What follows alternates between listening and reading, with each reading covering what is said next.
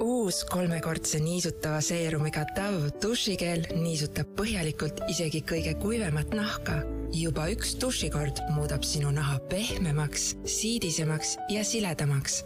vali Dove dušikeel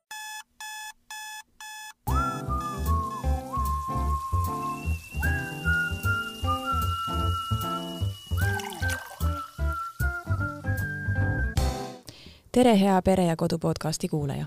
mina olen Katariina Libe ja täna on meil ees veidi raskem, aga väga huvitav ja väga oluline teema. nimelt me räägime traumast, sõjatraumast ja traumajärgse seitsmekümne kahe tunni olulisusest. ja selleks on mulle külla tulnud kriisinõustaja Tiina Naarits-Linn. tere, Tiina! tere! kõigepealt ma küsiks, et millega tegeleb kriisinõustaja see on hea küsimus, sest kui me vaatame Eestit, siis Eestis on olemas selline kutse nagu raseduskriisi nõustaja ja seal on hästi kerge selgeks teha, võttes kutsestandardi ette, millega ta tegeleb. ta tegeleb hästi spetsiifiliselt sünnieelse, sünniaegse ja sünnijärgse perioodiga, et siis toetada vanemaid nüüd kriisinõustaja on natukene üldisem mõiste ja üldisele kriisinõustajale praegu kutsestandard puudub, aga tegutsetakse siis põhimõttel, et et ähm, kui ma toon siia Mahena keskuse, kus siis kriisinõustajad on justkui katusorganisatsiooni alla koondunud, äh, on meil kindel äh, kvalifikatsiooninõue vähemalt kõrgharidus, see võib olla väga erinev, meil on äh, psühholooge, sotsiaalpedagooge, meedikuid, aga kõik on juurde õppinud vähemalt kaks aastat siis spetsiifiliselt akuutset kriisi sekkumist, kriisinõustamist, et tegutseda viisil, et inimene hilisemat vaimse tervise toetust enam ei vajaks, vaid tuleks lähedaste toel toime. et see akuutne abi oleks nii efektiivne, et hakkaks lahendused inimese enda jaoks näha olema. või siis, kui on neid, kes vajavad järelabi, spetsiifilist äh, erivajadust, äh, siis mingit terapeuti näiteks, et siis kriisinõustaja oskab ka seda silda luua ja anda seda nõu Äh, tavapäraselt, kui mingi grupp näiteks kogeb ühte traumaatilist kogemust, siis seda spetsiifilist abi vajab viis kuni kümme protsenti, et siis näha ka, et kes need on, et oma selline märgisüsteem ja, ja peegeldused kui keegi õpib kriisinõustajaks, kas on võimalik, et ta selle õppe käigus saab aru, et ta ei ole võimeline just sellises akuutses olukorras toimima? jaa, see ei ole üldse midagi erilist meie enda grupis äh, mulle hästi meeldib viimasest kursusest, kui üks psühhoterapeut, ta on pereterapeut, sõnastas kursuse lõpus, et tal on ülioluline praegu mõista neid kriisis inimesi ja mõista ka seda, et esimeses faasis ei ole mitte tema see, kes tegutsema peaks, ta peaks kaasama kolleegi ja et tema on see nagu teine ešelon, aga ta on olemas ja ta nüüd mõistab paremini, mis enne on toimunud või mis on ära jäänud. Et siis, kui tema oma teraapiaga tuleb, ta teab, et see akuutperiood määrab päris palju seda käitumist ja ta oskab seda arvestada. ehk siis mõni tulebki hästi teadlikult õppima sellepärast, et oma professuuris olla tugevam ja parem, aga ise mitte akuutkriisis tegutseda, see on täitsa võimalik mm. -hmm. mis on kriis ja mis on trauma? no need on kaks sellist mõistet, mis äh, sageli tunduvad nagu samaväärsed aga minu jaoks ja, ja siis äh, noh, ma loodan, et kui ma praegu tõlgendan, et siis, siis ka teiste jaoks on need kaks hästi erinevat terminit. kriis on äh, üldmõiste ja kuigi on sadu ja sadu termineid, siis äh, tuleb appi kas kreeka keel, mis ütleb kohe, et see on oht või võimalus, aga noh, Hiina hieroglüüfil on kohe näha kaks hieroglüüfi, üks on oht, teine võimalus, paned kokku, saad kriisi. et siis seal on reaalselt oht, et midagi võib juhtuda aga on siis võimalus, et sa tuled sellest ka positiivselt välja.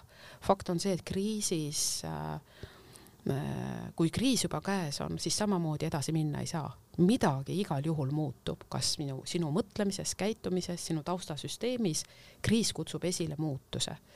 ja kriise ei saa juhtida näiteks palvetega, et palun ole nii hea või palun tee seda sellepärast kasutatakse ka terminit kriisi sekkumine, et need esimesed sõnumid on selged, mida teed sest kui sa neid selgeid sõnumeid ei anna, siis sa ei saa inimest aidata, no see on ta on võrreldav natuke erakorralise meditsiiniga, sest kui äh, kiirabi tuleb äh, välja, siis ta ju ei koputa õlale ja ei ütle, et ma tahaksin teid elustada, et kas tohib.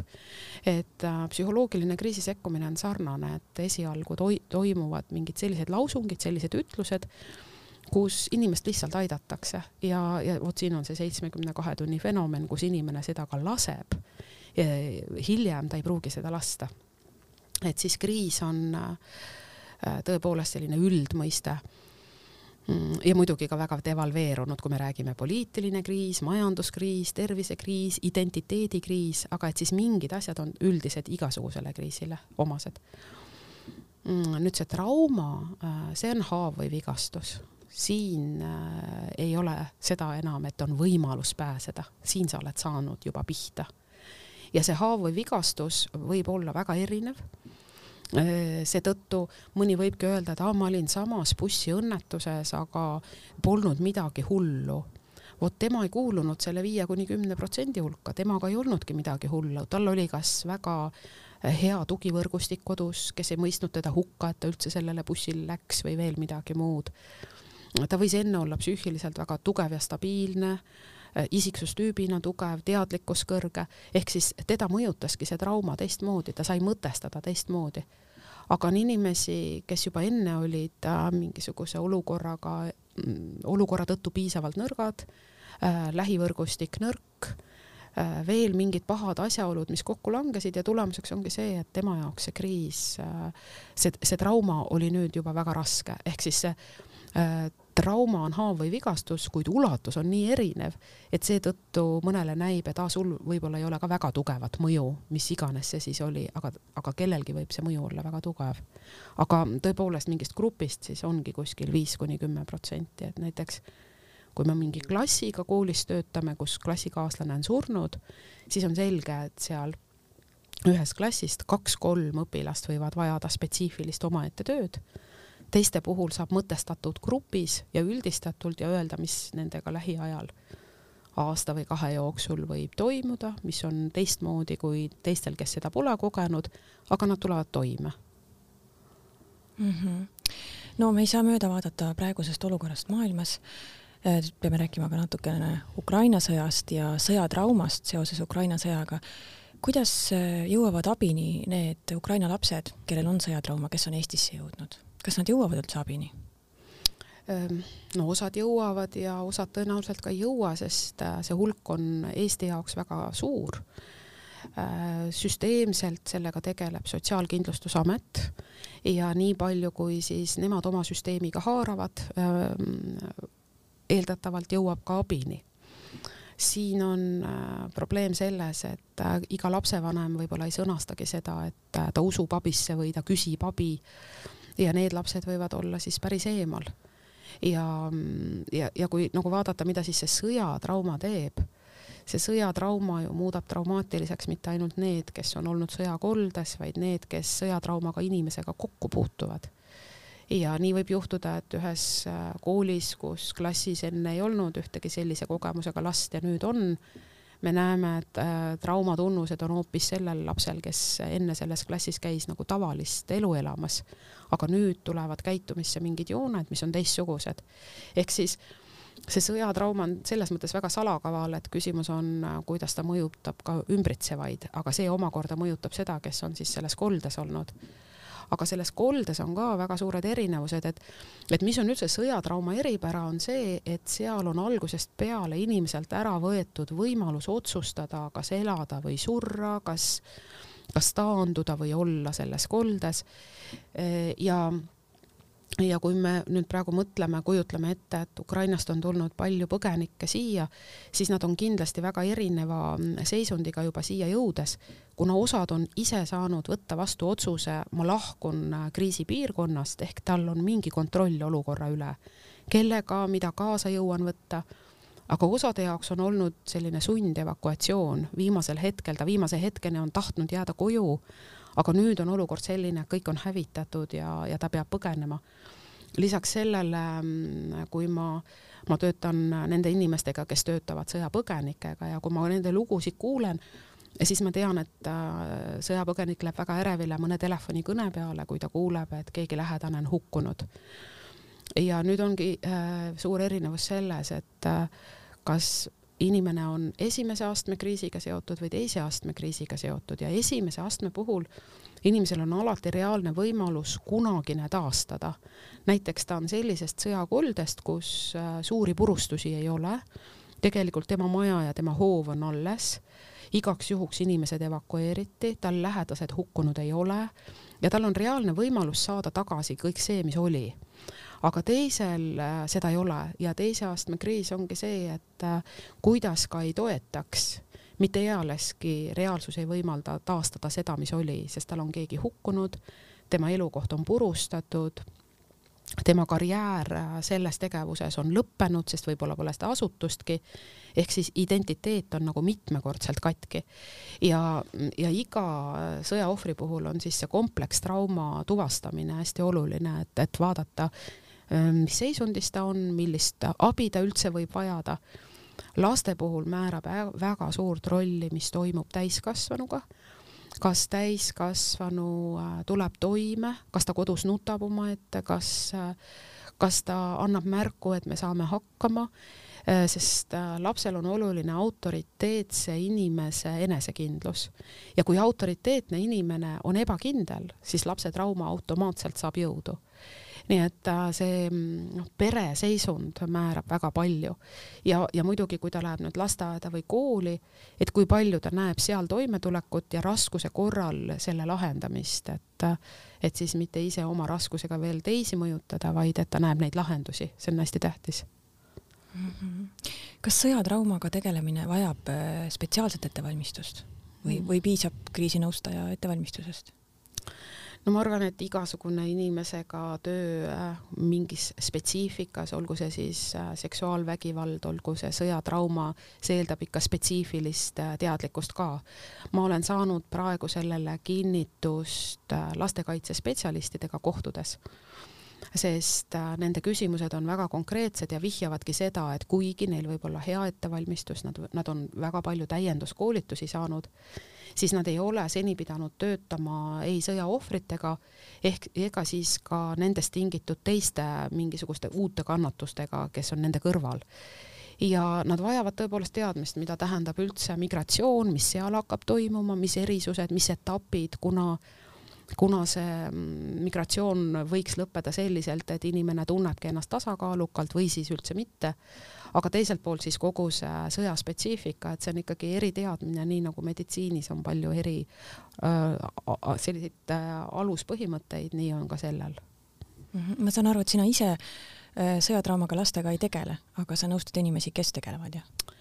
Jaa, ma siin Eestis praegu ei tegele, kui kaks tuhat kaheksa oli sõjategevus Gruusias, siis seal ma töötasin ka äh, kohati nende lastega, aga koos kohalike inimestega ja seal ma õpetasin ka pedagooge, sest äh, me avastasime, et ei ole paremat äh, spetsialisti kui pedagoog, sest nõustajaid, meedikuid ja psühholooge ja veel teisi nõustajaid ei jätku kunagi piisavalt.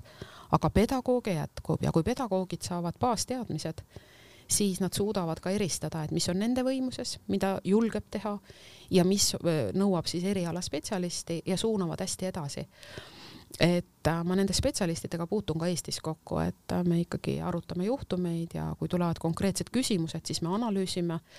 ma ise esimest korda analüüsisin äh, sõjaohvriga tööd siis, kui Bosnia sõjajärgselt kutsuti kokku Sloveenias spetsialistide grupp ehk siis ma olen tõesti hästi mitme tasandi peal ähm, uurinud, mida tähendab sõjaohvriga töö, sest näiteks täiesti eraldi töö on veel missioonisõduritega, kes on ise teinud valiku ja ja mingilgi moel mõtestanud surma võimalikkust, et see on veel täitsa eraldi grupp, et kaitseväelasi vaadata. aga siis tsiviilelanikkonna puhul on need asjad teistmoodi ja lastel veel omakorda teistmoodi. et ilma eriteadmisteta on tõesti oht, et ma mm, toetamise asemel võin ise saada oma trauma, sest ma tajun, et ma ei ole piisav ja, ja ei pruugigi olla päriselt piisav ja mingisugust traumaatilist osa hoopis võimendan. selle kohta ma tahaks hiljem küsida, et kuidas ennast hoida teist toetades. aga räägiks veel natukene sellest ähm, sõjaohvrite teemast, et mis on need emotsioonid, kõige tavalisemad emotsioonid, mida need lapsed tunnevad, kes on siia Eestisse jõudnud Ukrainast?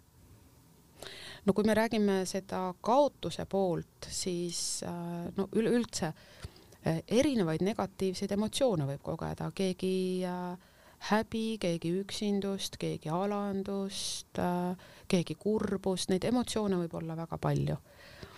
kui see olukord on teda reaalselt traumeerinud ja ma siis toonitan, et ta näeb, et lap-, tema vanem on traumaatiline, aga võib-olla tal on väga personaalsed kaotused, mm, lisaks sellele, et keskkond on äh, uus, siis äh, tema äh, jõuline traumaatilisus ilmneb, kui tal on korraga kolm äh, tugevat emotsiooni ja see on siis hirm, see on tõesti tugev hirm, ta peegeldab seda hirmu, äh, see on õudus. Ta kirjeldab selliseid õudseid kogemusi ja see on abitus. ta kirjeldab mingil moel seda, et noh, temast ei sõltu enam midagi ja ma, ma noh, ta on nagu täiesti abitu. Ja kui on need kolm tunnet väga tugevasti siis ei ole kahtlust, et inimene on traumeeritud. see on ka üks indikaator, mille järgi on võimalik aru saada, et kui tugev see trauma on.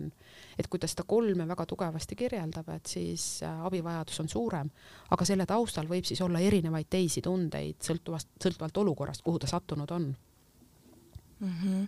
See häbi, mida sa esimesena mainisid, on ilmselt väga paljudele ootamatu emotsioon selles olukorras, sest ma kujutan ette, et on lihtne ette kujutada, et need inimesed äh, või lapsed tunnevad hirmu, et nad tunnevad äh, leina ja samamoodi õudust, aga et ilmselt jah, et seal on palju selliseid emotsioone, mille peale tavainimene ei tulekski jah, see on niimoodi, et äh, inimene ise peegeldab kõige paremini selle õige tunde ära, aga häbitunne on meile sellepärast ka raskemini kättesaadav, et selle tunnistamine on oluliselt keerulisem kui näiteks kurbuse tunnistamine.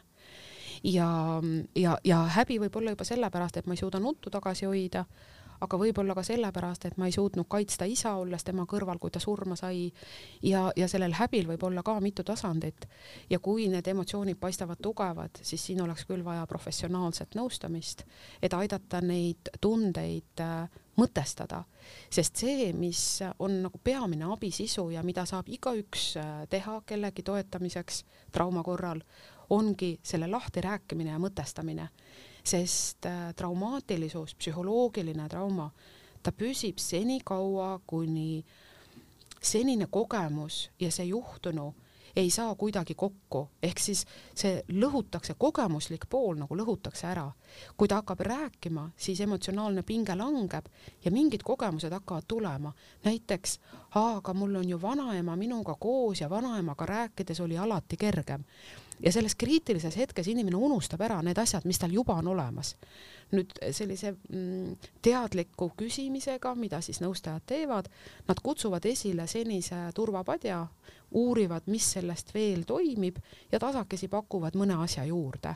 aga eeskätt on see, et võetakse see emotsionaalne pinge maha suutmatusest mõelda, et ma ise üldse midagi suudaks. -hmm. kui mõne kuulaja lähiringkonnas on Ukraina pere, kes on siis äh, kus on siis sõjatraumaga lapsed, noored või ka täiskasvanud, täiskasvanud või, või siis lastel on sellised klassikaaslased, siis äh, kuidas saaks olla neile toeks, mis on need esimesed nõuanded? no lapse puhul peab teadma, et laps elab olevikus ja lapsega ei peaks üldse väga palju rääkima traumast. kui ta kuulub nüüd sellesse väiksesse gruppi, kes vajab pikemat klassikalist teraapiat ja tuge, siis tuleks väga toetada, et ta sellega läbiks, et ei ole nii, et ta on saanud võimaluse minna näiteks traumateraapiasse, aga ta käib seal ainult kaks korda. teraapia on nagu kapitaalremont, alguses natuke tehakse rohkem haiget, lõhutakse, siis hakatakse kokku panema, et saab toetada teda sellega, et ta läbiks kogu teraapia, see, mis talle on võimaldatud, et ta ei jätaks seda pooleli. see on nagu üks asi aga paralleelselt peab arvestama, et kuna laps elab olevikus erinevalt täiskasvanust, selle järgi saabki aru, kas me oleme lapsemeelsed, armunud elavad ka olevikus. Eh, nende jaoks pole oluline, mis oli või mis tuleb, et äh, nendel on see olevikus olemine hästi lihtne, siis seda tuleb lapse puhul ka mm, toetava tegevusena arvestada. tal peab olevikus hetki, kus tal on õigus olla rõõmus ta ei pea muretsema, ta ei pea olema kurb, kus ta saab olla asjakohaselt laps. ja parim võimalus on siis vaba aja tegevused võimalikult süsteemselt, et tal tekiks ka turvaline täiskasvanu, näiteks treener, huviringi juht, kelle juures ta regulaarselt käib ja, ja hakkab kogema seda, et mingi turvaline mehhanism toimib tema huvide ja võimete kohaselt.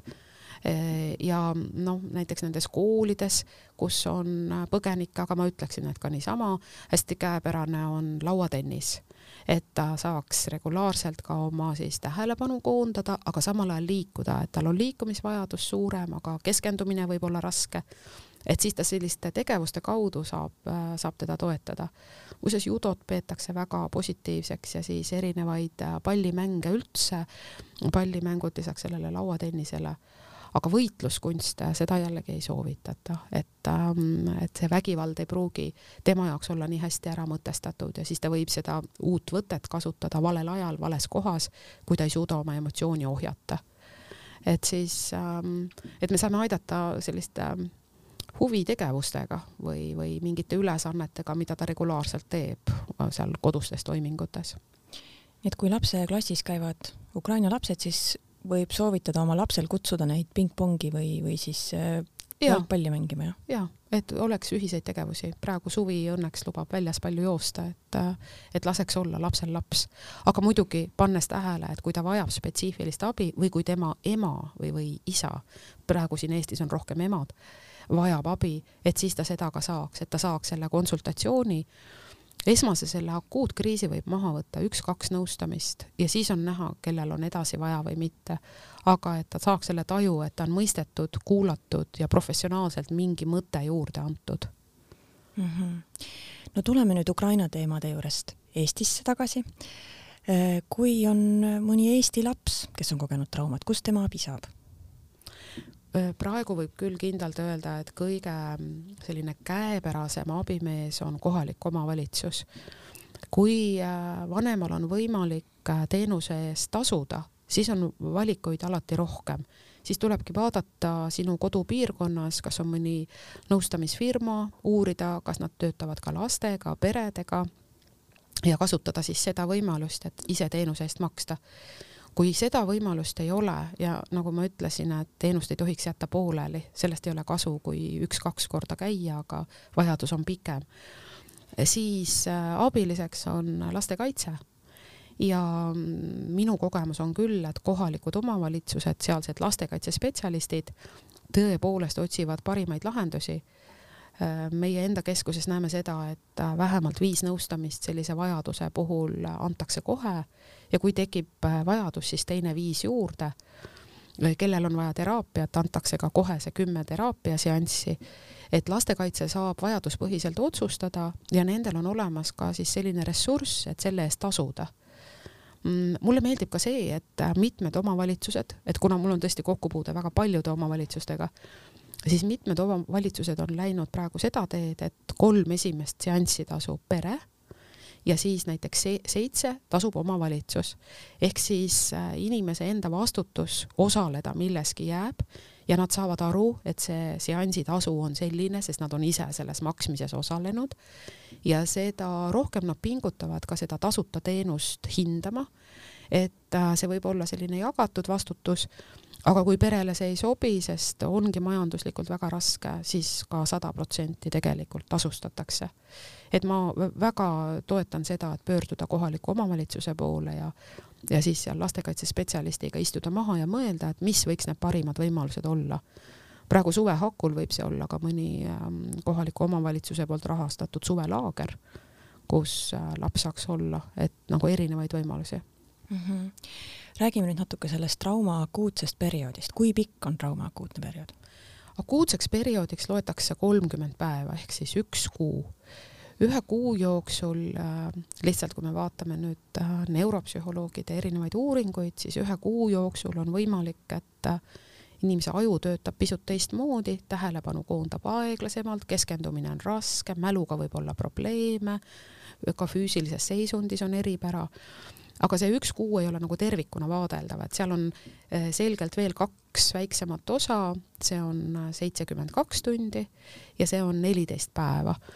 ükski asi ei ole niimoodi jäigalt, et nüüd kukkus kell ja, ja nüüd on uus etapp, aga umbes niimoodi ja, ja see kolmkümmend päeva, see akuutperiood tähendab seda, et selle perioodi jooksul, kui on mingeid tõsiseid ähm, teistmoodi olemisi, nagu inimesed ütlevad, et äh, mu mõte ei lähegi mujale enam ja, ja mul on ikka halb olla, siis äh, siin veel äh, ei ole väga kriitiline äh, diagnoosima näiteks posttraumaatilist stressihäiret.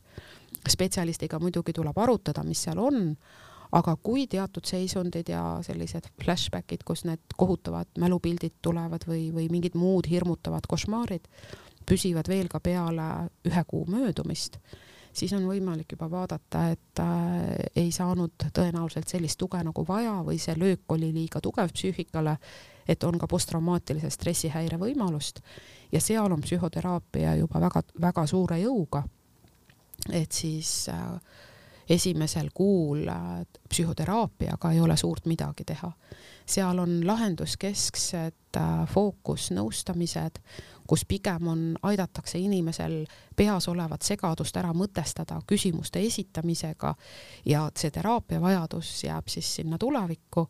mida teadlikum on see esimene aste, seda, seda väiksem tõenäosus on, et seda hilist on vaja ja noh, minu praktika näitab seda korduvalt, et äh, kümme kuni neliteist päeva on see, see üks etapp selle kolmekümne sees, kus siis äh, ütlebki ja noh, noorukid teevad väga otsest tagasisidet, et ma mõtlesin, et mul enam kunagi mälu ei taastu, üks poiss kirjeldas, kuidas ta nägi sõbra surma pealt, kuidas tal ei jäänud inglise keel enam meelde ja ta kartis, et ta ei saagi enam vastata inglise keelt.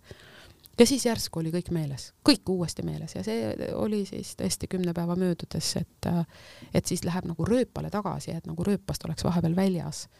Ja siis on selle ees seitsmekümne kahe tunni periood, mis, mis on siis selline täiesti eraldi fenomen mm. -hmm. räägime sellest seitsmekümne kahest tunnist ka, aga ma küsiks enne, et ühesõnaga täpsustan, et kui kolmkümmend päeva traumajärgselt äh, inimene on noh, nagu sa ütlesid, rööpast väljas, siis see on tegelikult täiesti normaalne, jah? Ehm, no täiesti normaalne võib-olla ei ole väga täpne termin, me tahaks, et sellist asja üldse juhtuks, aga kui meiega juhtub ebatavaline asi, siis on tavaline reageerida ebatavaliselt mm. -hmm. ehk siis selle kolmekümne päeva jooksul on tõepoolest norm tunda ennast halvasti, järjest muidugi paranevas tempos ja parema seisundi tempos, aga ebanormaalne asi panebki meid äh, ebanormaalselt tundma ja kui me üldse mitte midagi ei tunneks, siis nagu oleks rohkem muret mm. -hmm. aga tuleme nüüd siis selle seitsmekümne kahe traumajärgse tunni juurde. Äh, kuidas siis peaks sellel ajal toimima ja mis on see, mida inimene kogeb selle seitsmekümne või tunneb selle seitsmekümne kahe tunni jooksul? no see seitsekümmend kaks tundi on äh, kriisinõustajate jaoks kujunenud lausa selliseks seitsmekümne kahe tunni fenomeniks Mm, me oleme aastast äh, kaks tuhat viis äh, tegutsenud sellise katusorganisatsiooni all, et me tõesti saame oma kogemusi ka jagada. ja see tähelepanek on korduv, et äh, seitsmekümne kahe tunni jooksul inimene võtab maha kõik kaitsed. ta ei tulegi selle peale, et kui sa lähed teda abistama, et öelda, ma ei taha teiega rääkida või miks te siia üldse tulite, jah, kohalik omavalitsus ütles küll, et keegi tuleb, aga miks te ikkagi tulite? seitsmekümne kahe tunni jooksul laseb inimene tingimusteta ligi. Ja selle mahamagamine võib olla väga keerukas, sellepärast et kui sa sel perioodil ei, ei jaksa silda luua, siis hilisemad spetsialistid ei pruugi ka lähedale pääseda. inimene hakkabki ütlema, et ma ei vaja midagi, jätke mind rahule, me tuleme toime, aga sa näed, et ta toime ei tule. seetõttu näiteks tänases Eestis ka järjest rohkem ohvriabisüsteem, mis on riiklik seal Sotsiaalkindlustusameti juures, püüavad alaealistega seotud keerukate juhtumite puhul reageerida võimalikult vahetult, aga igal juhul seitsmekümne kahe tunni jooksul, et aidata luua siis professionaalselt seda silda, et hiljem saaks äh, teised spetsialistid töötada. Äh, selles perioodis seitsekümmend kaks tundi on tavaline, et inimene ütleb, et ta ei suuda magada ja, ja kui seda ära ei seletata, siis see tundub talle õudne et nagu peaks magama, aga ta ei suuda. see on kas katkendlik või ei suuda uinuda. tal võib süda paha olla ja võib konstantselt süda paha olla, võib ka oksendada, igati normaalne. Ta võib tunda selliseid veidraid valusid, kõhuvalu, kõhukrampe, absoluutselt normaalne. Loomulikult, kui on midagi nii äärmuslikku, et tekitab hirmu, siis on vaja arstiga kohe konsulteerida, et arst saaks ka vaadata, et kas see on ohtlik, aga enamasti seitsmekümne kahe tunni jooksul ongi siis sellised füsioloogilised reaktsioonid ja need nagu hirmutavad ja tundub, et mis nüüd, mis nüüd saab ja keegi võib äh, lõputult nutta ja keegi võib äh, olla õuduses sellepärast, et tal ei tule ühtegi pisarat, tal on, kõik pisarad on külmunud, mitte ühtegi ei tule. et siis sellised äh, tavapäraselt erinevad jõulised füsioloogilised reaktsioonid, need kuuluvad selle seitsmekümne kahe tunni juurde ja siis haavatavus kõik pääsevad ligi ja see tekitab nüüd selle ohu, et kui ligi pääseb keegi, kes on sellise alternatiivse maailmataju esindaja, aga ta kriisi mõjusid ei tunne, aga ta pääseb inimesele ütlema, et et ma ei tea, kui sa kolm korda kive veeretad, siis äh, kunagi hakkab sul kergem siis see inimene sellel hetkel võtab kõik vastu ja nüüd ta ütlebki, et mind aitab kivide veeretamine, aga noh, me näeme seal kuu-kahe-kolme pärast, et see teda ei aita, aga tal on väga raske ka teistsugust abi vastu võtta, sellepärast et ta lasi kõikidest kaitsmetest läbi ainult selle inimese, kes oli tal siis olemas ja siis tal kedagi teist ei olnud ja tema tema siis selline sisemine taju ütlebki, et kus te siis olite, kui te nüüd tulete ja mina jään temaga. ehk siis see on ka selline nagu lojaalsusperiood, et et kes pääseb ligi. ja, ja sellepärast selline professionaalne lähenemine sellel ajal on väga tähtis, et esimene kontakt luua. edasi võib juba kokku leppida, et millal see järgmine on, aga et esimene kontakt oleks sellel ajal, ebatavaline mõju on seitsmekümne kahel tunnil mm. -hmm. kas sellised teadmised võiksid olla kõikidel inimestel, näiteks noh, nagu vaimse esmaabi mõttes, et, et kui minu lähedane kogeb traumat, et siis ma tean, mida teha seitsmekümne kahe tunni jooksul? Ja ma arvan küll, et see on ikkagi selline universaalne teadmine, et ma saaksin teda toetada ja väga sageli ka meie keskusesse, kui helistatakse, siis küsitaksegi nõu, et ma mõistaks lähedast mm. -hmm. ja juba see rahustab, kui ma saan sellise tagasipeegelduse. ma jätsin ütlemata siin ühe detaili. umbes viis aastat tagasi tulid äh, neuroloogiliste uuringute artiklid, mis tõid välja selle, et ma tahan nagu näidata, et traumapsühholoogia on hästi arengus ja kogu kriisikäsitlus on äh, kiires arengus, tõid välja selle, et äh, traumas, traumasse sattumise järel kuue tunni jooksul ei ole hea soovitada ei magada ega rääkida emotsioonidest veel kümme aastat tagasi oli üks soovitus, et katsu rahulikult olla, mine pikali teki alla ja katsu, katsu vähemalt uinuda, et ole pikali. ja nüüd on see vastupidi ja seda me saame ju oma lähedasega ise teha ja, ja mis on see põhjus et need uuringud on näidanud siis seda, et kui kuue tunni jooksul sellest akuutse seisundi algusest inimene kas siis magab või räägib emotsioonidest, on tal suurem tõenäosus kogeda posttraumaatilise stressihäiret. Ehk siis me saame ise teda aidata, kui me selle kuue tunni jooksul, ma ei tea, vaatame koos filmi või mida nad teevad, nad tahavad hakata joonistama skeeme, vot ma olin seal, siis juhtus see, noh, joonistame skeeme, räägime Äh, faktidest, nii nagu talle näisid, need ei pruugi ka täpsed olla, aga ei räägi tunnetest, et kui ta hakkabki ütlema, et vot ma tundsin, siis ma ütlen, et räägime sellest hiljem, et, et ma ei keskendu tunnetele, et need ei saaks salvestuda selles kõige esimeses faasis ma olen kuulnud kusagilt sellist nõuannet, et traumajärgselt oleks nagu kohe hea hakata tetrist mängima, et kas see on see, see tuleb sealt samast kohast? ja, ja see on väga noh, see täpselt mm -hmm. see mhm. sinna lähebki. et, paned ma... mõistuse tööle ja ei lase emotsioonidele. noh, et ma ei maga ja et ma ei räägi emotsioonidest, et ma teen sellist monotoonset muud tegevust mm. -hmm. see on küll väga huvitav fakt tõesti, jah et muidu aju nagu salvestab kuidagi need emotsioonid väga vahetult. jah, need uuringud seda väidavad, et, et see kuus tundi tuleb ümber hinnata, sest meie varasem väljaõpe ütles, et äh, turvaliselt teki all võiks olla hea, aga praegu me seda ei ütle. aga miks magamine halb on? Äh, no see on samamoodi kinnistumine, sest ta on nendes, ta on nii tugeva emotsiooniga ju, ta läheb selle mälupildiga voodisse, et äh, mitte saada nii tugevasti kinnistuda, sest selle kuue tunniga sa saad, kui sa ei räägi nüüd äh, nendest emotsioonidest, et siis sa saad selgemalt äh, mingisugust muud reaalpilti enda mällu juurde, et tõmbad seda reaalsust laiemaks, kus sa täpselt olid, mis kell see toimus, et siis äh, see emotsiooni pool saab pisut lahtuda ja tuleb juurde see reaalne pool. enne tuli jutuks see, et kuidas siis toetaja saab iseennast toetada äh, kui raskete traumadega sina oled kokku puutunud, kas sa oled ise ka olnud selles olukorras, et sa tunned, et sina ei jaksa, et sa pead kuidagi endale ka mingit tuge leidma hmm.? See on selline nipiga küsimus. ma kindlasti olen kunagi seda kogenud.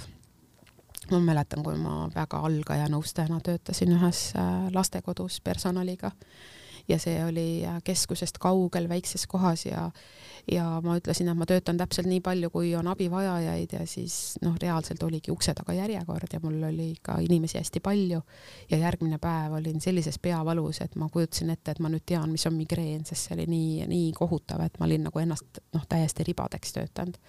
üle nädala ei tahtnud üldse midagi näha ja oli küsimus, kuidas ma nagu taastun aga see pani mind ka hästi mõtlema, ma sain nagu vitsad hästi-hästi varakult et me nõustajatena tuletame üksteisele meelde, esiteks noh, mis on meie tagatis, kriisinõustajad ei tööta kunagi üksi.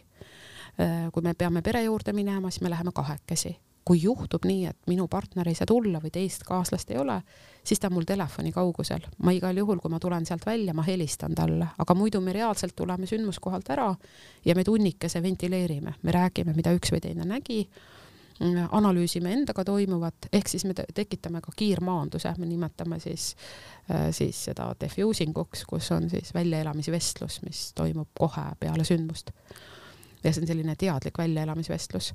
aga väga oluline on, et me teame, et ööpäevas on ainult kakskümmend neli tundi ja me tuletame seda üksteisele meelde, sest kui ma võtan endale lisatöö, ma tean, et ma suudan seda võtta ja selles mõttes, et ma suudan inimest aidata, ma tean oma oskusi aga ma pean ka teadma, kas mul füüsiliselt on jõudu, sest kui ma teen seda, siis ma teen seda alati millegi arvelt ja nüüd on küsimus siis kas oma uneaja või lähedaste või või mille arvelt ma seda teen.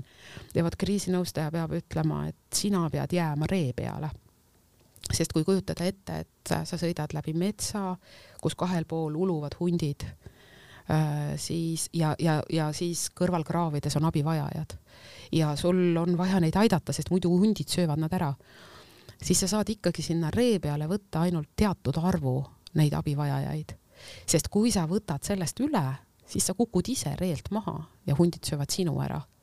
ja, ja see on vahepeal ääretult karm tunnistamine, et ma võiksin aidata, aga mul ei ole füüsilist ressurssi, ma pean puhkama ja me see aasta nagu eriti, kuna periood on olnud keeruline, see Covidi ja, ja nüüd ka see sõja mõju tegelikult on olnud nõustajatele keeruline siis me see aasta eriti rõhutame, et suvel peab olema vähemalt kolm nädalat tööta periood, kus sa päriselt puhkad, kus sa ei tee tööd ja ei mõtle tööle. ehk siis me puhkust väärtustame keskmisest rohkem aga enamus, kui ma mõtlen äh, oma meeskonna või oma võrgustiku peale, siis enamus inimesi ju omab meil ka äh, huvitavaid äh, siis hobitegevusi kes kasvatab hobuseid, kes lambaid, kes kirjutab raamatuid, et, et nendel on mingisugune tegevus, mis päriselt viib ta nendest rasketest asjadest välja, et, et kui seda ei oleks ja ma nagu ei kujutagi ette, et seda ei oleks, siis oleks küll raske mm. -hmm. Kas traumajärgselt on olemas mingid seisundid, mida kõik inimesed läbivad? jaa, et ähm, hästi palju on räägitud ohvri staatusest ja, ja ohver oma olemuselt on äh, olukorras, kus ta vajabki välistuge, ta võib ütelda abitu ja passiivne. Äh, ohver on see inimene, kes on orienteeritud sellele, et teist, teda aidatakse nüüd, kui ohvri staatusest inimene edasi liigub ja ta liigub äh, enamasti üpris kiiresti, aga mõni jääb sinna ka kinni, siis järgmine etapp on ellujääja ja vot ellujääja mm, on see, kellega on juba kergem töötada, sest ta on aktiivne. tema tahab ise tegutseda ja ta, ta vahepeal tahab juhtohjasid enda kätte võtta, nii et nõustaja näeb isegi vaeva, et äh, olukorda ise juhtida. Äh, aga mm, ta tegutseb. Nüüd selle ellujääja puhul on see, et äh, kuna ta hakkab looma endale tulevikuplaane või ta tahab noh, kujutleda, mis kõik hakkab muutuma, kui tema nüüd tegutseb ja kui see on ebarealistlik, ta võtab endale selliseid kujutlusi, mille täitmine temast ei sõltu, aga ta noh, juba unistab, et see nii on, siis võib juhtuda, et see ellujääja muutub äh, pettunuks ehk siis see pettunud ellujääja muutub kibestunuks ja tema kõrval on töötada ja elada väga raske, sest ta muutub sapiseks, ta nagu muidu toimib, aga ühel hetkel viskab mingi sapisuse või on terav või, või kuidagi, ta teeb haiget märkamatult ja ta teeb seda kolleegile, ta teeb seda pereliikmele, ta teeb seda inimesele, kellega ta puutub rohkem kokku ja kelle puhul ta tajub, et teisel on hea ja, ja, ja tal on kergem, kui teisel ka ei ole hea. ehk siis tema kõrval on väga raske olla. aga see positiivne ellujääja, see, kes tegutses, seadis täiesti realistlikud eesmärgid, tema liigub kolmandasse astmesse, mida me traumajärgselt saame endale lubada ja see on edeneja. ja edeneja jõuab nüüd sellesse etappi, kus ta vaatab taha, eh, hindab olukorda, teeb järeldused ja sõnastab õppetunnid. ta võtab seda lugu nagu õppetundi ja, ja ta piltlikult nagu hakkab ütlema, et äh, elu on nagu vaas, jaapanlastel on selline võrdlus traumajärgselt, et elu on vaas. Ja mina kleepisin selle kokku ja need on minu kleepimiskohad, mitte keegi teine ei, ei oma neid. ja mul on selline kogemus, mida teistel ei ole, ma võin seda nüüd üle lakkida, mul on originaalne ja unikaalne vaas ja see on minu elu. Ja, ja vot see negatiivne ellujääja, tema küll üritas ka kleepida, aga ta ei lakkinud üle, ta ei ole rahul sellega, tal niriseb see vesi sealt välja, temas on see rahulolematus. Et siis see edeneja on see, kuhu me jõuame ja edeneja, kui ta räägib oma kogemusest, eh, siis edeneja räägib alati tuleviku perspektiiviga, mida ma nüüd juba tean ja kuhu ma võiksin liikuda. kui see negatiivne ellujääja räägib oma kogemusest, ohver eriti ei taha rääkida, aga see negatiivne ellujääja tahab küll rääkida. ja kui tema räägib, siis ta ei räägi mitte midagi tulevikust. ta räägib oma olevikust, mis ei ole piisavalt hea ja piisavalt rahuldust pakkuv ja ta räägib sellest minevikust, et ta on nagu hästi kinni minevikus. ja, ja edeneja on juba otsaga tulevikus, et ta, tal on nagu hea edasi liikuda. see ei tähenda, et edeneja ei võiks olla kurb, kui ta meenutab mõnda olukorda, loomulikult võib ja mingi asi ajab ta nutma, aga ta tuleb sellest emotsioonist välja ja liigub jälle edasi. Kuidas teha siis nii, et, et negatiivsest ellujääjast saaks edeneja? jah, kui sellest on palju möödas, siis ähm,, siis äh, sõltub hästi palju inimese enda soovist reaalselt olukorda muuta ja kui inimene on õppinud olema selles mugavustsoonis, mis siis, et mitte rahuldust pakkuvas ja ei taha seda muuta, siis ongi väga raske aidata. aga selles esmases faasis, kui praegu on see trauma, siis me saame küll palju teha, et ta saaks mõtestatud, et mina ei anna talle hinnanguid.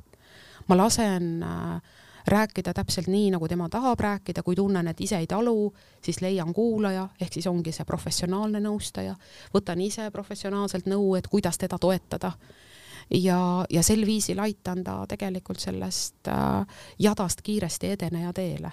aga kui see on mingi vana trauma, siis äh, ka kuuskümmend aastat vana, mul lihtsalt on ka selline kogemus, kus järsku tuleb see kuuekümne aasta tagune asi välja Eh, siis seal on tõesti oluline, et inimene oleks ise sõnastanud, ma rohkem ei taha seda taluda. ja siis töötatakse üpris sarnaselt akuutjuhtumi põhiselt, ehk siis sa oled selles sündmuses ja see sündmus seda alati käivitab.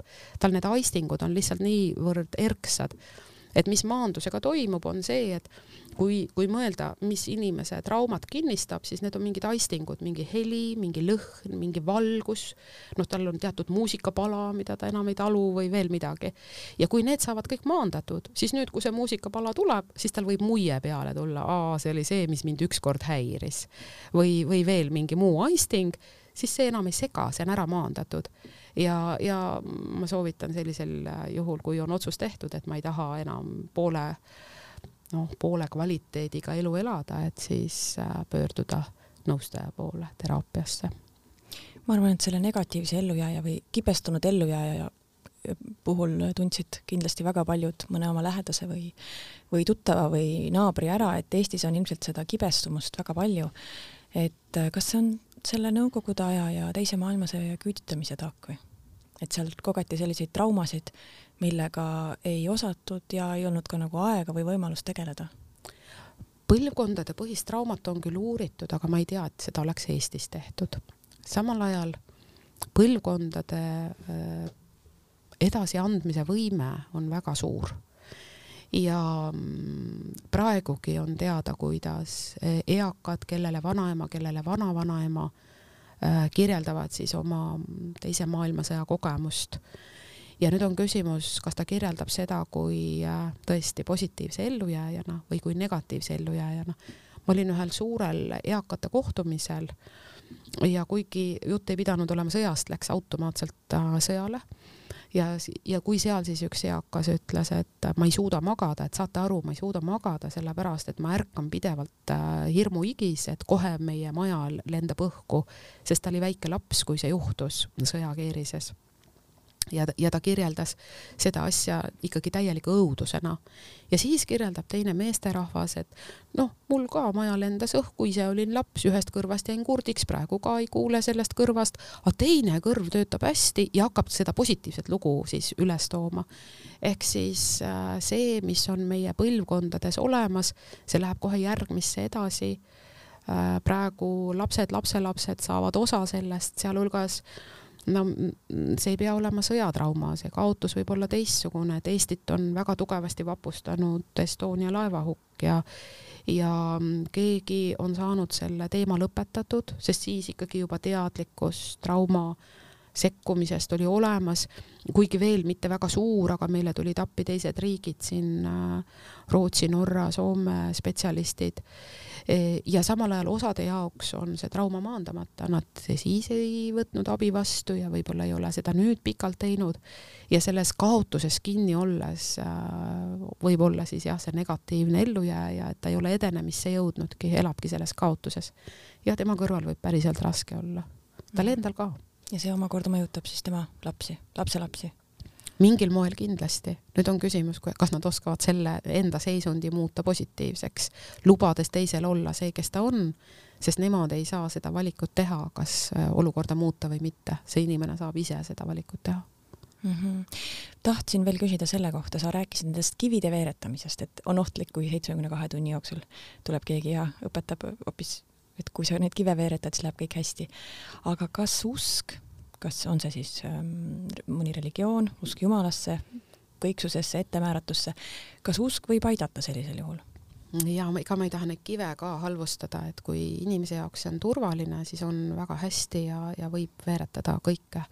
Äh, lihtsalt kui see ei ole piisav, siis on kurb, kui seesama kivide veeretaja ei ole öelnud, et aga äkki veel keegi. Mis puutub aga usku, siis äh, kui ma töötasin politseipsühholoogina, siis ma lihtsalt, mul oli vahepeal vaja nii kiiresti langetada otsuseid, et öelda, et kui palju muretseda kellegi pärast või mitte muretseda. ja ma hakkasin tähele panema, et töötab üks mõõdik, et see ei ole, küsimus ei ole ainult religioonis, et et mis inimest aitab, inimest aitab neli usku ja kui nendest neljast vähemalt kaks on alles, siis ta tuleb toime aga kui on alles üks või mitte ühtegi, siis ta ei tule.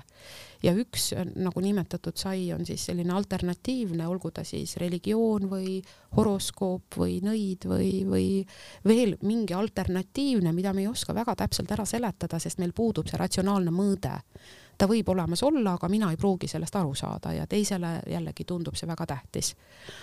see on üks Äh, teine usutasand on usk iseendasse, et kas ma suudan aktiveerida seda, et ma olen saanud ennast aidata, ma olen praegu küll väga täbaras olukorras, aga minu enda tegutsemisest sõltub midagi, see on teine usutasand. kolmas usutasand on usk lähedastesse. Et kuigi praegu võib-olla isegi lähedane tegi mulle haiget, siis kas on keegi, kellega ma saaksin niimoodi suhelda sellest olukorrast, et ma ei pea kartma hinnanguid, et ta mulle midagi ütleb, et see, et see kuidagi mulle topelt haiget teeb, et kas mul on selliseid lähedasi, kellega ma saan saat-, rääkida tingimusteta.